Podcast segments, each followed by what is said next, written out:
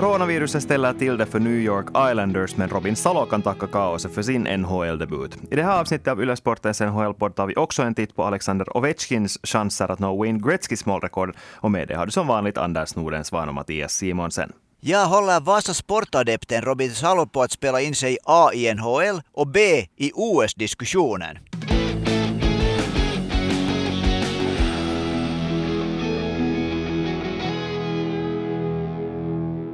Ja, vi snackade ju om Robin Salo redan inför säsongen och då var vi ju ganska rörande överens om att hans tid inte är inne ännu. Men efter några tumultartade dagar i New York Islanders så har han fått spela två matcher i NHL. Och han har gjort det bra. Han har spelat över 20 minuter i båda matcherna. Visserligen ligger han på minus i plus minus statistiken, men det gör hela Islanders som har förlorat sex matcher i sträck. Robin Salo har verkligen greppat sin chans nu och Barry Trotz, tränaren, har sagt att han gillar vad han ser av Salo. Så det här är nog intressanta tider för 23-åringen. Mm. Och det är ju inte bara Barry Trotz som har sagt att han gillar det han ser. Uh, till exempel efter den här senaste matchen mot Toronto Maple Leafs, där Robin Salo gjorde ett ganska avgörande misstag. Uh, Okej, okay, inte vet jag nu hur avgörande det var. De låg under 0-2 i det skedet då han passade pucken rakt åt Mitch Marner. Men oavsett så, eh, det, han gjorde ett ganska stort misstag och efter den här matchen så var Zeno Chara sen ganska väl framme i den här presskonferensen och faktiskt hylla bland andra Robin Salo för den roll som han ändå har tagit i det laget och, och försökte kanske lite smeka honom på huvudet där och säga att det är inte så farligt om man gör en snedpassning på 20 minuter istid. Jo, han var inte den enda Islanders som gjorde misstag och det var faktiskt ungefär det enda misstaget som jag åtminstone lyckades se från honom i den matchen. Jag tycker han spelar jättebra. Han spelar just en sån där ishockey som NHL-tränarna vill att en sån här ny kille ska spela när han spelar in sig i laget. Han spelar liksom säkert. Islanders har ett ganska tydligt och kanske inte alltför komplicerat försvarssystem och han spelar tycker jag jättebra just i, inom det systemet. Han fick alltid vägen bra första pass. Han vann många dueller och det som jag la märke till att han ett par, tre gånger åtminstone gjorde just det som man ska framför målet. Han tog klubban bort av spelaren, motståndarspelaren som väntar på att få styra in ett skott. Mm. Du säger säker, jag skulle använda ordet försiktig, för jag tycker att man fortfarande märker på honom att det här nu handlar om karriärens första NHL-match. Jo, och det är helt förståeligt. Ja, det här är inte någon eh, hård kritik mot Robin Salo som ishockeyspelare, utan jag tror att det är någonting som kommer att utvecklas över tid. För att den här, eh, den här, det här spelmodet som han har visat upp när han har spelat i, in, i den inhemska ligan, i svenska ligan, i EHT-turneringarna. Så det har varit någonting som jag tycker att det är liksom hans största fördel och det som jag tror att han kan använda för att bli en NHL-spelare. Det tycker jag inte att vi har sett i de här matcherna, åtminstone så här långt. Men helt som du också, så tycker jag att framförallt i försvaret har han varit alldeles lysande.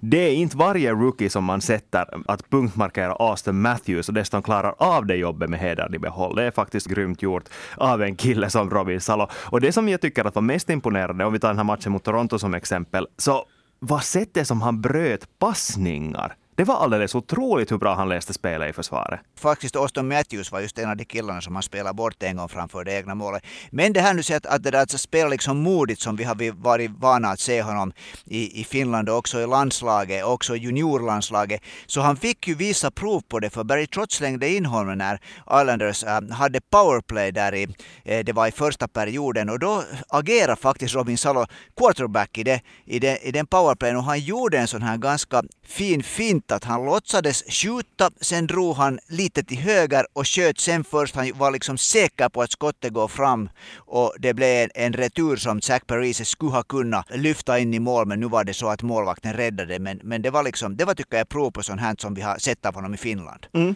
Och det var kanske också Barry Trotts sätt att uh, han försökte lappa någonting som han gjorde strax innanför där han gjorde bort sig totalt. Nej, det, var, det var så att Islanders spelade sådär i fyra mot tre powerplay, inte fem mot fyra. Och den här första kvartetten som var inne på isen, det var fyra anfallare och det ledde sen till ett boxplaymål i den andra änden. Och efter det så kom, fick Robin Salosen hoppa in på isen, så jag tror att Barry Trotz ganska snabbt insåg sitt eget misstag där. Ehm, men det som jag tycker att vi måste diskutera här är en sak som jag reagerar på i just den här matchen och det var det att Robin Salo spelade klart sämre efter han hade gjort det här monsterbytet som många talar om efteråt. Det var i ett skede i den andra perioden då han var inne på isen i två minuter och 40 sekunder, vilken alldeles ohygglig mängd tid för till och med NHL-veteran veteran. Ännu mindre för en som gör eh, sin andra match i toppligan någonsin. Och efter det tycker jag att hans nivå sjönk lite.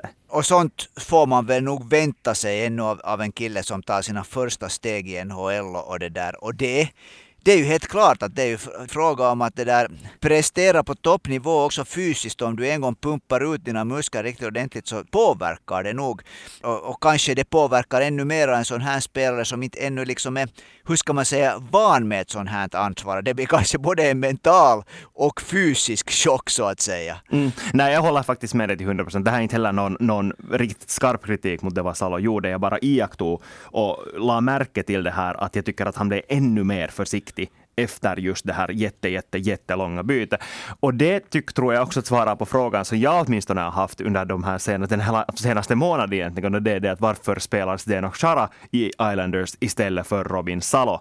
Och det här egentligen är ju svaret på den frågan, att Salo helt uppenbarligen ännu, trots att han är en otrolig talang, att se, ha i laget under de kommande åren. Så han är inte riktigt ännu där med tanke på att han ska klara av att spela 20 minuter över en hel match nu har vi ju faktiskt, det är två matcher som, som han har varit i NHL och det där och, och, han har stora förväntningar på sig. För nu är det så att där är problem med covid som har, har det där tagit bort en del backar från uppställningen så är det också så att äh, uh, Pullock för tillfället är skadad. Han ska väl komma tillbaka så småningom. Hans radarpar Pelek har, har corona. Jag, jag, tror att det är åt det hållet. Jag blandar alltid mellan Pulak och Pelek, men jag tror att det är åt det hållet.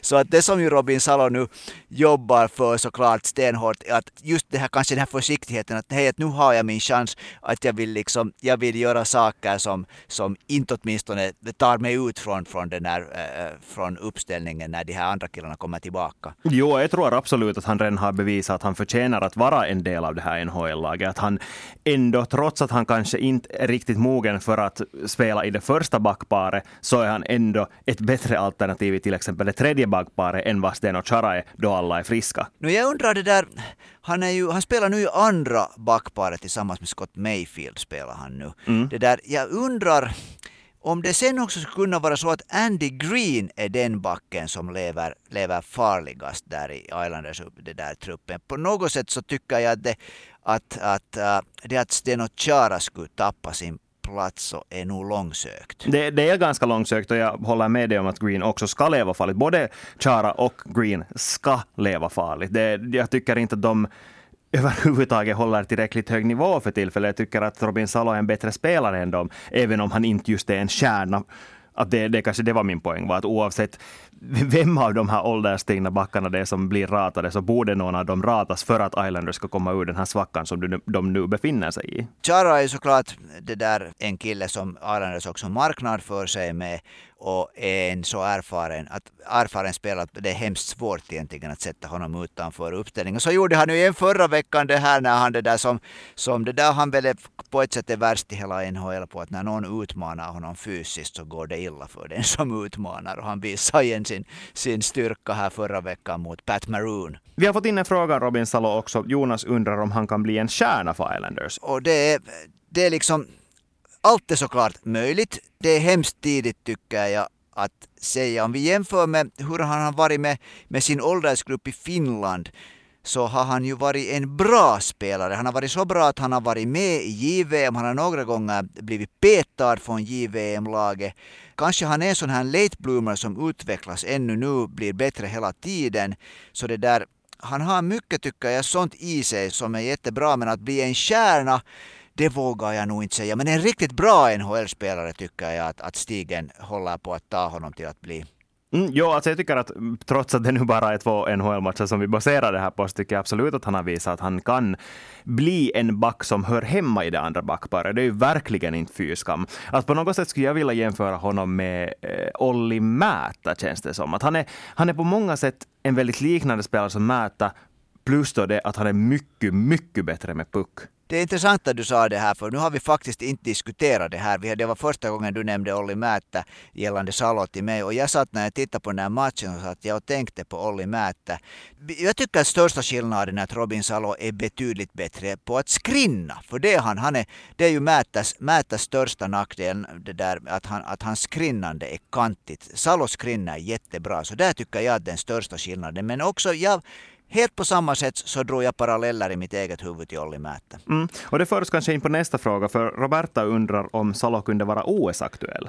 Ja, nu är, vi, nu, nu, nu, det, nu är det nu många som sitter och skakar på huvudet att killarna spelar två NHL-matcher och halva backtruppen är antingen i covid-protokoll eller skadad. Det här säger ganska mycket om fin, Finlands situation för tillfället gällande backar. Men helt klart är det ju att när man får en ordinarie plats i NHL för tillfället som finländsk, som finländsk back och spelar eh, över 20 minuter så är det någon som märker det också på ishockeyförbundet, om vi säger på det viset. Ja, och det som jag tycker att talar för Robin Salos chanser i ett eventuellt OS-lag är det att eh, vi talade förra veckan om det här att Sami Vatanen höll på att spela in sig i OS-laget bara genom att vara jättebra i EHT-turneringen, medan jag sen ifrågasatte vilken roll han skulle ha i det här OS-laget. Att han inte kommer att få spela som sån där quarterback som han fick i EHT, medan Robin Salo bättre skulle passa in i en roll i de här lägre kedjorna i ett OS-lag. Så det tycker jag talar för honom, men fortfarande så känns det nog som att det inte riktigt är... Eller det, jag tror inte att Jukka Jalonen är bekväm med att ha en 23-åring i laget istället för just till exempel Sami Vatanen och Olli Määr möte. Jag tycker som du, men då ska vi lämna det öppet att om Robin Salo nu plötsligt gör succé. Han spelar de följande två månaderna lysande, spelar in sig i Islanders och liksom börjar också ta för sig mera. Så det där, vi har sett det så många gånger tidigare nu för tiden, uh, unga spelare i NHL också, det kan gå väldigt snabbt när de plötsligt liksom spelar in sig i sin roll.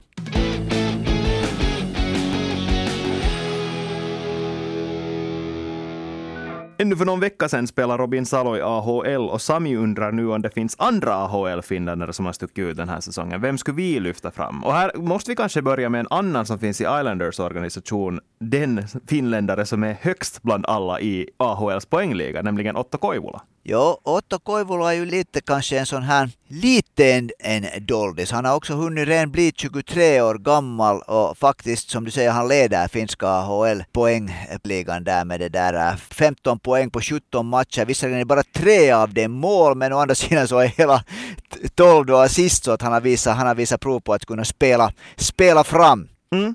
Och äh, det som alltså är Koivulas läge just nu är att han är första center i Bridgeport och det som är kanske lite märkligt i det här är att han har varit det väldigt länge. Han är inte första center på grund av det här coronavirusläget i Islanders som skulle ha tvingat dem att plocka upp en massa spelare från AHL, utan de nobbar helt enkelt honom. Och det här är någonting som tydligen vissa fans har lite svårt att acceptera. Jag har också kanske lite frågetecken kring det här, varför de inte har lyft upp honom. Men, men samtidigt så kanske de bara anser att det är bättre för hans utveckling att stanna i AHL i Bridgeport och spela där i en stor roll istället för att komma upp till Islanders för några matcher och spela i en liten roll. Centerfilen i Islanders är ju nog ganska hård. Att där finns ju nog bra, liksom det är inte helt lätt att slå in sig och, och nu ska vi tänka, nu har ju Islanders underpresterat eller spelat dåligt. Men de var före säsongen egentligen en av de kanske fyra, fem lagen som nämndes om man talar om, om det där största Stanley Cup-favoriterna och det är en trupp som är ganska liksom sammansvetsad och just jättebra centerspel har de levererat i flera år. Jo, alltså den, den tyngsta pjäsen som de blev av med nu där sommaren var ju Jordan Eberle som for i Seattle Kraken. Att det är ju inte en center som de var på det behövt och de har inte heller tappat centrar nu heller till coronavirus, utan det är mer också yttrar som de har blivit av med. Så på sätt och vis är det logiskt, men samtidigt, ja, 15 poäng på 17 matcher är ju inte så att man inte skulle vilja ge honom en chans, tänker man ju. Så här med blåvita glasögon. Så är det. Och så finns det nog andra intressanta AHL-spelare där det där. En som vi nu har diskuterat många gånger och som igen fortsätter att, att visa framfötterna är Ville Heinola som är, spelar då i Manitoba Moose, alltså Winnipegs AHL-lag och där tycks han ju nog vara helt klart det lagets bästa back. 14 matcher, 12 poäng. Ah, han är nog en, en dominerande puckförande back. Mm, han är sexa i backarnas poängliga i AHL, vilket säger ganska mycket om den talangen som Winnipeg har där. Och där har man också, där behöver det inte ens finnas en coronavirus-kaos i Winnipeg för att man ska fråga sig vad i fridens namn de håller på att tänka på. För nu är jag faktiskt, jag vet att du håller med mig här och vill veta, vill veta svaret på frågan varför ville Heinola inte få chansen i NHL? Det går bara inte hem för att de, de gånger han har fått försöka i Winnipeg så har han ju varit bra. Och vi vet vad han är bra. Vi har sett honom liksom spela. Han är smart, han är liksom bra på skridskorna, han vågar ta för sig. Och inte han, fast han nu inte är någon jätteprecis så han är inte han nu ändå helt en sån här mygga heller fysiskt. Han är ändå 180 lång och det där och som sagt otroligt smart den finländare som jag ännu för två veckor sedan skulle lyfta fram som den som är mest sannolikt att få chansen snart, så det är målvakten Filip Lindberg. Sju matcher han har spelat för Wilkes Bar Scranton Penguins, släppte in genomsnitt på 2,76 mål per match och en räddningsprocent på 91,5 valdes till månadens spelare i AHL. Mycket som talar för att han faktiskt är en mycket mer NHL-klar målvakt än vad till exempel Pittsburgh Penguins säkert trodde inför säsongen. Men så gick han och skadade sig och nu är han borta från vecka till vecka, så det är väldigt stora frågetecken kring hans form, när han ens kan komma tillbaka. För nu, nu djupgrävde jag i det här och jag hittade att eh, Pittsburghs ECHL-lag, Wheeling Nailers, så de, deras målvakt får ju upp till AHL nu för att lappa efter Filip Lindberg. Och de här Wheeling har tydligen tradat in en ny målvakt. Och det här tycker deras, de journalisterna som bevakar det laget, är ett solklart tecken på att Lindberg är skadad. Dessvärre en sån som kan hålla honom borta från spel lite längre tid. Det låter inte alls bra. Jag har, jag har två spelare som jag skulle vilja lyfta upp. Och, och det är det där spelare som spelar i, i NHL-lag och AHL-lag som för tillfället går riktigt dåligt. En är Jesse Ylönen som ju spelar i, som är ju en Montreal-adept och för tillfället då spelar i Montreals AHL-lag. Man talade redan före säsongen om att han hör till de kanske tre, fyra spelarna, prospekterna som kan lyftas upp till, till Canadiens vid behov. Och nu har ju Canadiens gått uselt så man tycker de ska vara färdiga att prova på någonting. Han har gjort jättebra ifrån sig i AHL. Han har 11 poäng, 4 plus 7 på 13 matcher. Så jag tycker att där är en kille som när som helst kan ploppa upp i det där i, i NHL-sammanhang. Och sen har vi Mattias Macelli som vi kommer ihåg från Ilves i Finland och spelar i NHLs sämsta lags AHL-lag. I Tucson spelar han för tillfället. Han har gjort 11 poäng på bara 12 matcher, 4 plus 7 poäng där. Så Mattias Macelli, att man inte skulle testa på en sån här talang i ett lag som är helt uselt för tillfället. Så det tycker jag att skulle vara lite underligt. Nej, alltså det är just det där att när man spelar så dåligt som till exempel Arizona eller Montreal gör, så tycker jag också att man borde ha en mycket lägre tröskel att faktiskt testa nya killar. Alltså jag förstår det ju i princip i Montreal, att du har den här slutspelssommaren, den här magiska framgångssagan bakom dig, där du gick hela vägen till Stanley Cup-final med ett gäng dollisar i praktiken. Då men samtidigt så ja, du har killar som Jesse Ylönen i AHL-laget. Varför inte låta dem få chansen? Speciellt när de skickar ner Cole Caulfield dit för som en väckarklocka. Och alldeles speciellt som man kan nu redan slå fast att det är fullständigt utopi att Arizona eller Montreal skulle nå slutspel. Det, det, det tåget har gått. De kommer inte att vara med i slutspel den här säsongen. Inte heller Montreal. Det, är liksom, det, det finns ingen chans mera för det. De har tappat så mycket mark.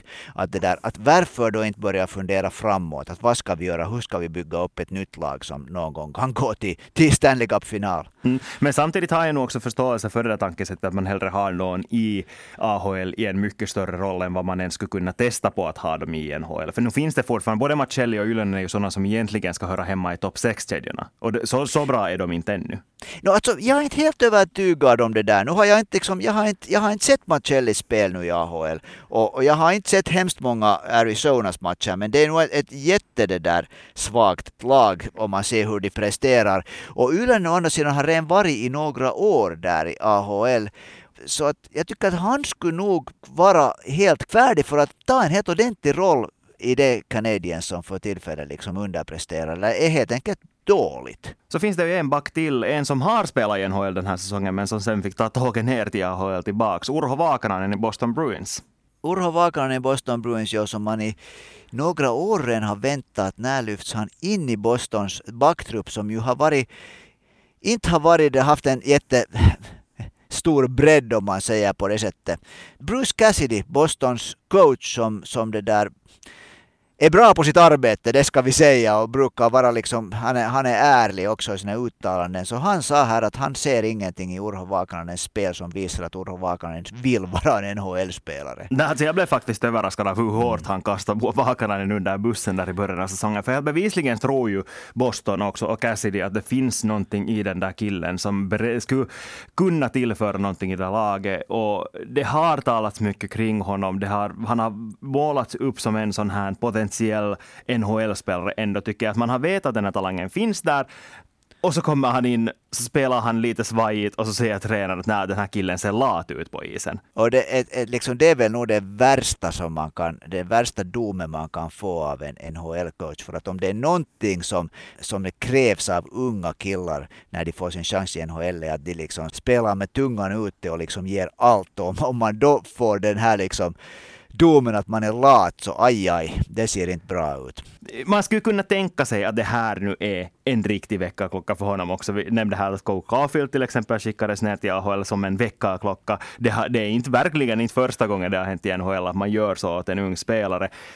Tror du att det här fungerar åt Vakanainen? No, förhoppningsvis fungerar det som en väckarklocka, men sen undrar jag att det Vakanainen lite en sån här pjäs om vad är hans riktiga liksom, styrkor. För till exempel i AHL så han har tre poäng på 14 matcher i AHL och han spelar ändå ganska stora minuter där. Att det där hör han till de här killarna som inte har riktigt någon sån här spetskompetens som skulle, som, som skulle liksom lyfta in honom bland de där. Det är bara sex backar som ryms i ett NHL-lag spelande trupp.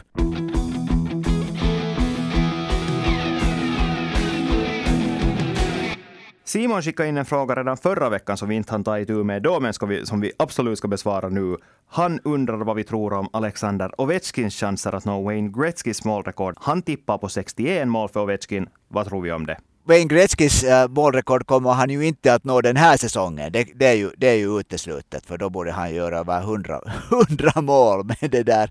Men äh, att han skulle göra 60 mål för tillfället så har det ser ju ut på det sättet. Han har gjort 15 mål på 18 matcher så det där 60 mål verkar ju nog verkligen vara på väg. Och Ovechkin är ju den där underliga typen som inte brukar ha sådana hemskt, hemskt långa svackor. Att han slår in sina mål gång på gång på gång från samma punkt hela tiden. Och det är visst någonting som du har en synpunkt på. Ja, alltså det som mitt stora problem med det här är att jag förstår inte hur svårt det kan vara för de här NHL-lagen att spela boxplay på ett sätt som förhindrar Ovechkin från att göra det där. Det kan inte vara så att en kille kan stå, stå stilla på isen oavsett vem det är. Om det är Alexander Ovechkin eller om det är Connor McDavid eller Nathan McKinnon eller fast Patrick Laine. Det kan inte vara så att en kille kan stå stilla på isen i över en minut och bara vänta på den där ena passningen och att han alltid får den och att han alltid sätter in det där förbannade skottet. Jag förstår inte.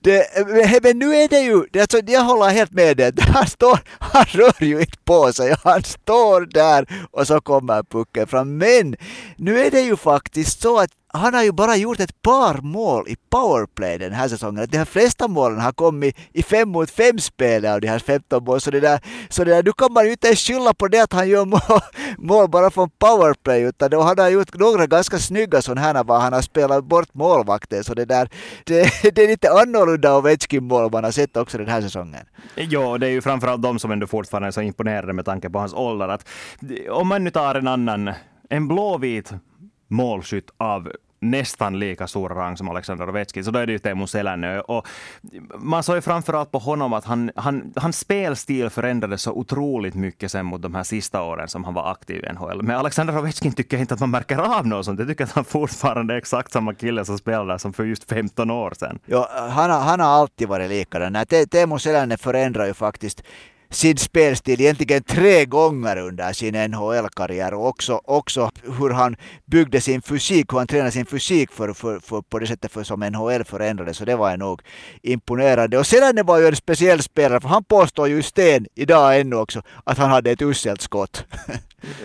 ja, alltså det, det, det, kan man tycka många saker om. Men ja, Selanen hade ju förstås, han hade the finish flash i början, han hade den där snabbheten. Och Ovechkin har alltid haft det här att hans skott är så otroligt grymt att det är ju, det är ju inte liksom skador kan inte sätta stopp för det på samma sätt att man har den där näsan för att bara panga in pucken. Nej, och det där, Ovechkin är ju på det sättet nog en, en det där besynnerlig spelare, att han har nog aldrig varit egentligen väldigt intresserad av att spela försvarsspel. Men det är ändå så det där ser hans statistik på alla sätt ganska bra ut över hela karriären, inte bara liksom offensiva produktionen. Men det där tror jag är en stämpel som har lite levt kvar med honom sen tidigare år. För jag håller med dig om att det var så tidigare, att han då före Washington vann sin Stanley Cup-titel så var han faktiskt en ganska lat spelare bakåt. Han, han försvarade inte på det sätt som man ska försvara, utan mera var sådär att jag är så jäkla bra offensivt så inte behöver jag göra något annat än bara glida mot försvaret när, när hela femman vänder ditåt. Men sen i något skede hände det någonting med honom och han insåg tror jag det här att han måste spela för laget och inte bara för sig själv. Och sen gick det så att det räckte till för att Capital skulle gå hela vägen. Att det är den inverkan han kan ha på det här laget. Jag tycker inte att han nu på något sätt skulle ha glömt det där ansvaret, utan mer kanske det att ja, inte vet jag. Det är liksom resten av laget som inte håller måttet sen igen. Om man jämför med att Capitals inte är lika bra som de var då. Men hans största styrka är väl nog den här hans egentligen, alltså skottet såklart, men hans största styrka som spelare är väl egentligen det att, att han aldrig går sönder. Han missar ju aldrig matcher. Och, så han spelar och spelar och spelar och håller den här jämna nivån. Och en orsak till det är ju säkert att han, han har inte behövt hålla något sådana här långa liksom, pauser på grund av skador, utan han har kunnat hela sin NHL-karriär i princip spela så gott som varje match. Ja, alltså om man nu tittar på skadesituationen så inte finns det ju någonting som säger att det, det här skulle vara Wayne Gretzkys rekord att ha Mike Bossy till exempel skulle klara av att spela en full karriär. No, ja, Mike Bossy det där är eh, en kille som man skulle kunna tala, tala länge om. Tio år, nio av de åren i NHL gjorde han över 50 mål. Så det var nog det var en, det var en speciell kille. Mm. Men, nej, men alltså, om man ska jämföra totalmängden mål så är Ovechkin åtminstone av de aktiva spelarna den klart bästa målskytten ändå. Nu är han ju alltså det, det är ju bara att titta på bevis. Han kommer garanterat säkert att gå förbi, förbi det där Gordie Howe som näst bästa målskytt och kommer att bli den tredje spelaren i NHLs historia som gör över 800 mål. Sen är frågan att kommer han att nå det här när Wayne Gretzkys mål, 894 mål som ju ändå är ganska långt borta ännu och kräver av en, av en så småningom åldrande Ovechkin inte bara en, inte bara två kanske till och med fyra säsonger före han, före han når det. Och med det sätter vi punkt för det här veckans äh, avsnitt.